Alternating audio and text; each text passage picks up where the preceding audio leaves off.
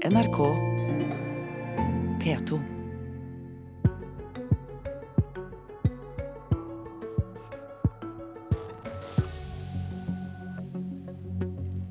Med både rekordhøy oljeproduksjon og rekordresultat for Statoil, som også sier de kan produsere mer til rekordlave priser, burde vi da drille på, eller er tiden overmoden for å ta det fornybare skrittet?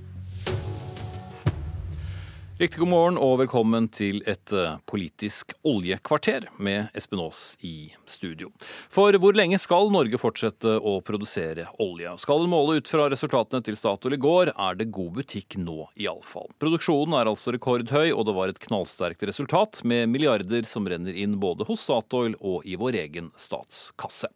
Med oss i studio er både olje- og energiminister Terje Søviknes og SVs Lars Haltbrekken, men vi skal først til deg, vi oljeanalytiker Trond Omdal i Pareto, med oss på linje fra Sveits. Hvordan vurderer du lønnsomheten for oljeindustrien fremover nå? Ja, og Selve produksjonen er jo uh, superlønnsom. Uh, Statoils driftskostnader på norsk sokkel er, på rundt 6 dollar fatet. Eh, hvis du òg ser eh, utbygging av nye felt, så, sier, eh, så, ser vi at mange felt er nå ned mot 30 dollar fatet.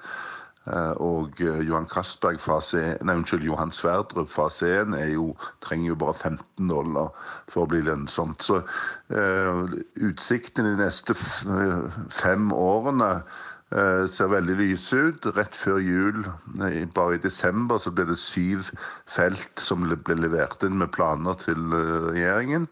100 eh, milliarder i investeringer, inklusiv det viktige Johan Castberg-feltet i Barentshavet. Eh, som òg har en break-even midt på 30-tallet. Så det ser veldig eh, lyst ut på den måten. Det som er negativt, er at funnene blir mindre og mindre. I fjor fant vi, eh, gjorde vi 11 funn av 34 brønner. Gjennomsnittsfunnet var litt over 20 millioner fat. Eh, vi fant totalt 260 millioner fat. Og når vi da produserer 4 millioner fat per dag, så betyr det at vi bare erstatter 20% av det vi produserer. Mm. Og som vi jo har visst gjennom en del år, så har jo ikke olje vært eh, så god butikk som det er nå. Hvorfor skal det holde seg høyt? Eh, fordi at eh, krisen har gjort at investeringene er falt med 40 Eh, eh, og etterspørselen stiger kraftig, spesielt i fremvoksende markeder. India, Kina, men også Midtøsten, Brasil, Russland, Afrika. Eh, så etterspørselen stiger nå nesten to millioner fat. Etterspørselsveksten har akselerert etter oljeprisfallet. Før oljeprisfallet det tiåret så steg oljeetterspørselen med under en million fat. Nå etter oljeprisfallet så har globalt oljeprisveksten vært Eh, over 1,7 millioner fat, så, så nesten 70 eh, eh, høyere. Og så er det òg sterk økonomisk vekst akkurat nå. Så dette, oljeetterspørselen kommer til å stige eh, kraftig, eller fortsette å stige. Antageligvis kanskje så mye som 20% fram til 2040. Energibyrået i Paris forventer at det trengs mer enn 3000 milliarder kroner i investeringer i gjennomsnitt hvert år i oppstrøms eh, virksomhet. Det, og norsk olje er eh, konkurransedyktig på pris. Men eh, hva forteller oss dette oss da om det andre markedet vi har snakket mye om under den lave oljeprisen, nemlig fornybar energi. Blir den nå sakkende akterut, eller bør satsingen fortsette? Nei, det, det, er jo fantastisk positivt at, at spesielt at vindkraft og solkraft er i ferd med å bli lønnsom innenfor kraftsektoren. Eh, men, men, faktisk så har altså oljen de tre siste årene økt sin markedsandel i forhold til totale energibildet. Og det har ikke skjedd siden 1973, første oljekrisen, pga. lavere priser og pga. av sterk økonomisk global vekst, pluss at vi fortsatt er i en stor Altså at India og Kina fortsatt har en formidabel vekst.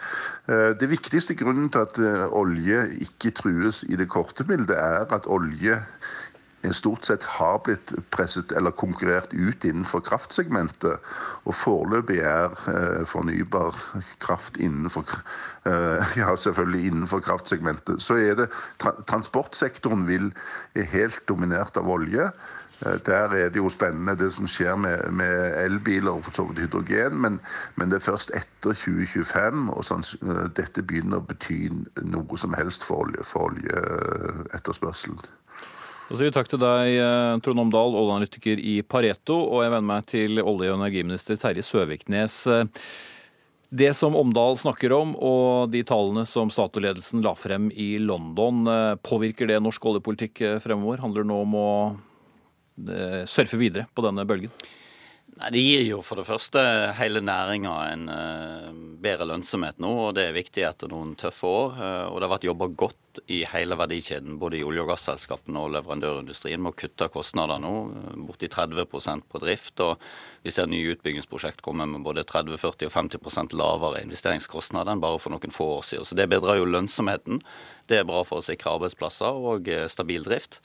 Og så er det jo fra oss eh, politisk viktig å gi nye muligheter for olje- og gasselskapene i form av leteareal, fordi vi trenger noen nye store funn. Eh, som Omdal var inne på her, eh, det er relativt små funn gjort de siste årene. og Vi trenger noen store for å opprettholde ikke minst aktiviteten i leverandørindustrien med nye utbygginger ut på 2020-tallet, når vi er ferdig med det siste store prosjektet vi kjenner i dag, nemlig Johan Castberg i Barentshavet. Stortingsrepresentant eh, Lars Haltbrekken fra SV, medlem i energi- og miljøkomiteen på Stortinget. Eh, bekymrer det deg dette? Det har jo vært et godt argument en stund om at det har vært dårlig lønnsomhet å drive med oljeleting, og at man eh, der, derfor heller burde satse på fornybar? Ja, og Nå tror ikke vi at Johan Sverdrup-feltet er representativt for de andre funnene til Statoil.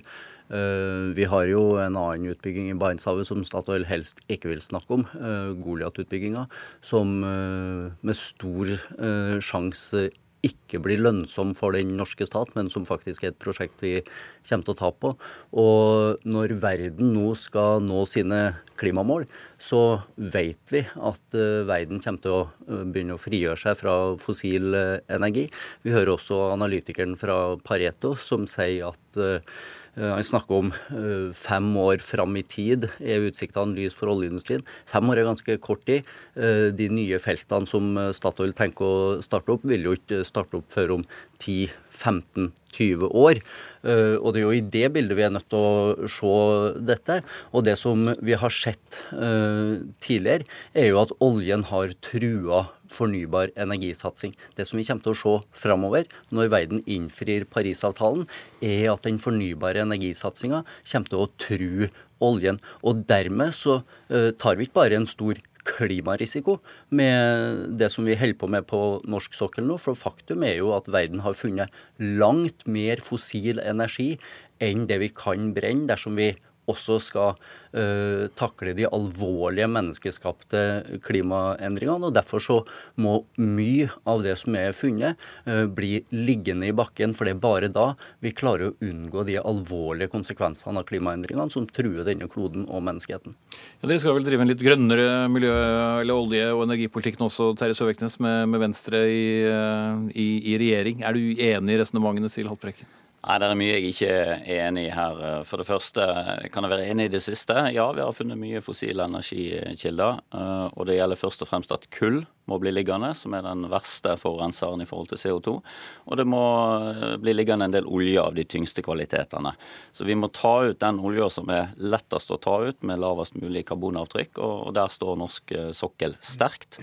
Eh, så er det det framtidsperspektivet som blir, eh, blir, skissert her. Ja, vi skal eh, satse på fornybar. Det gjør vi òg i Norge nå. Det bygges mer fornybar energi i Norge nå enn på 25 år, først og fremst med vindkraft. Og det, Vi ser en kostnadsutvikling som går nedover på, på vind og sol i, i det globale perspektiv, og, og, de tar nye markedsandeler på, på, kraftsektoren, altså elektrisiteten vår spesielt. Men så må vi altså da ha to tanker i hodet samtidig. Vi trenger fortsatt olje og gass. Og vi kan ha det i verdens energimiks og langt fram i tid. Det viser alle scenarioer som er utarbeida. Og samtidig nå Paris-målene våre. Eh, og maks to graders oppvarming. IEA, det internasjonale energibyrået, anslår at verdens befolkning eh, øker. Eh, vi etterspør mer energi. Vi må opp i energiproduksjon med 30% fram mot 2040. Og I deres togradersscenario så skal vi fortsatt ha 70 millioner fat olje per dag, mot dagens 100 millioner fat eh, olje per dag i, i 2040. Så det skal produseres mye. Eh, og etterspørselen er der. og Da mener jeg at det er norsk sokkel med våre lave CO2-utslipp fra produksjonen og verdensledende kompetansebase innenfor offshore olje- og gassvirksomhet må være med og levere disse ressursene. Det betyr mye for norske arbeidsplasser langs hele kysten. Det betyr mye for velferden vår i tiårene som kommer. Og Det siste er vel litt vanskelig å se bort fra, Haltbrekken? Helt klart. Øh, oljen har tjent Norge veldig godt. Men problemet er at den kommer ikke til å tjene Norge like godt i øh, årene framover. For at når verden skal ta klimatrusselen på alvor, så kommer verdien av olje til å uh, synke. Her snakkes det fra Statoils side om Johan Sverdrup-utbygginga, som er unntaket på norsk sokkel. Vi har en rekke andre uh, felt som uh, ikke er så lønnsomme, og enkelte av dem også som kan påføre den norske stat et tap. og da snakker snakker vi om noe helt annet enn at det er lønnsomt. Men, Men de kan jo fortsatt finne nye felt og få nye Johan Sverdrup-felt hvis uh, Søviknes er, gir uh, mulighet til det? Ja, og det som vi ser med denne regjeringa, er jo at den slipper oljeindustrien inn i stadig mer sårbare områder med høy risiko også for ulykker. Og når vi vet at verden har funnet langt mer fossil energi enn det vi kan brenne av, så er det på tide å trekke alvorlig i bremsen. Og det holder ikke bare å la kullet ligge, eh, som Søviknes sier. Og det som han ikke sier når han refererer til Det internasjonale energibyrået og deres eh, prognoser som viser økt bruk av olje framover, er jo at det er prognoser som kun gir oss en 50% sjanse for å unngå de mest alvorlige klimaendringene. Eh, og når du står overfor en alvorlig utfordring, så velger du en strategi som bare gir deg 50% sjanse for å lykkes i kampen mot den utfordringen. Nå brukte jeg også togradersscenarioet, Sustainable Development-scenarioet til IEA, så la nå det ligge. Men jeg har lyst til å understreke at det er det SV som gir 50 sjanse for å nå jo, men SV og Haltbrekken kan ikke komme dragende med Goliat og enkeltprosjekt eh, hver gang vi diskuterer norsk oljepolitikk. De aller, aller fleste prosjekt på norsk sokkel blir bygd på kost, på tid. De har generert store inntekter så langt. De prosjektene vi fikk inn i, i fjor, ti uh, utbyggingsprosjekt totalt gjennom 2017, har en snittpris, uh, altså break-even-pris, på ca. Ja, midt på 30-tallet, som gjør at man altså har gode muligheter for å tjene penger med langt lavere oljepris enn det vi ser i dag. Eh, og her gjør altså da selskapene på norsk sokkel en eh, analyse ved hver enkelt utbygging av framtidig klimarisiko som du viser til. Altså hva blir oljeprisbildet i framtida?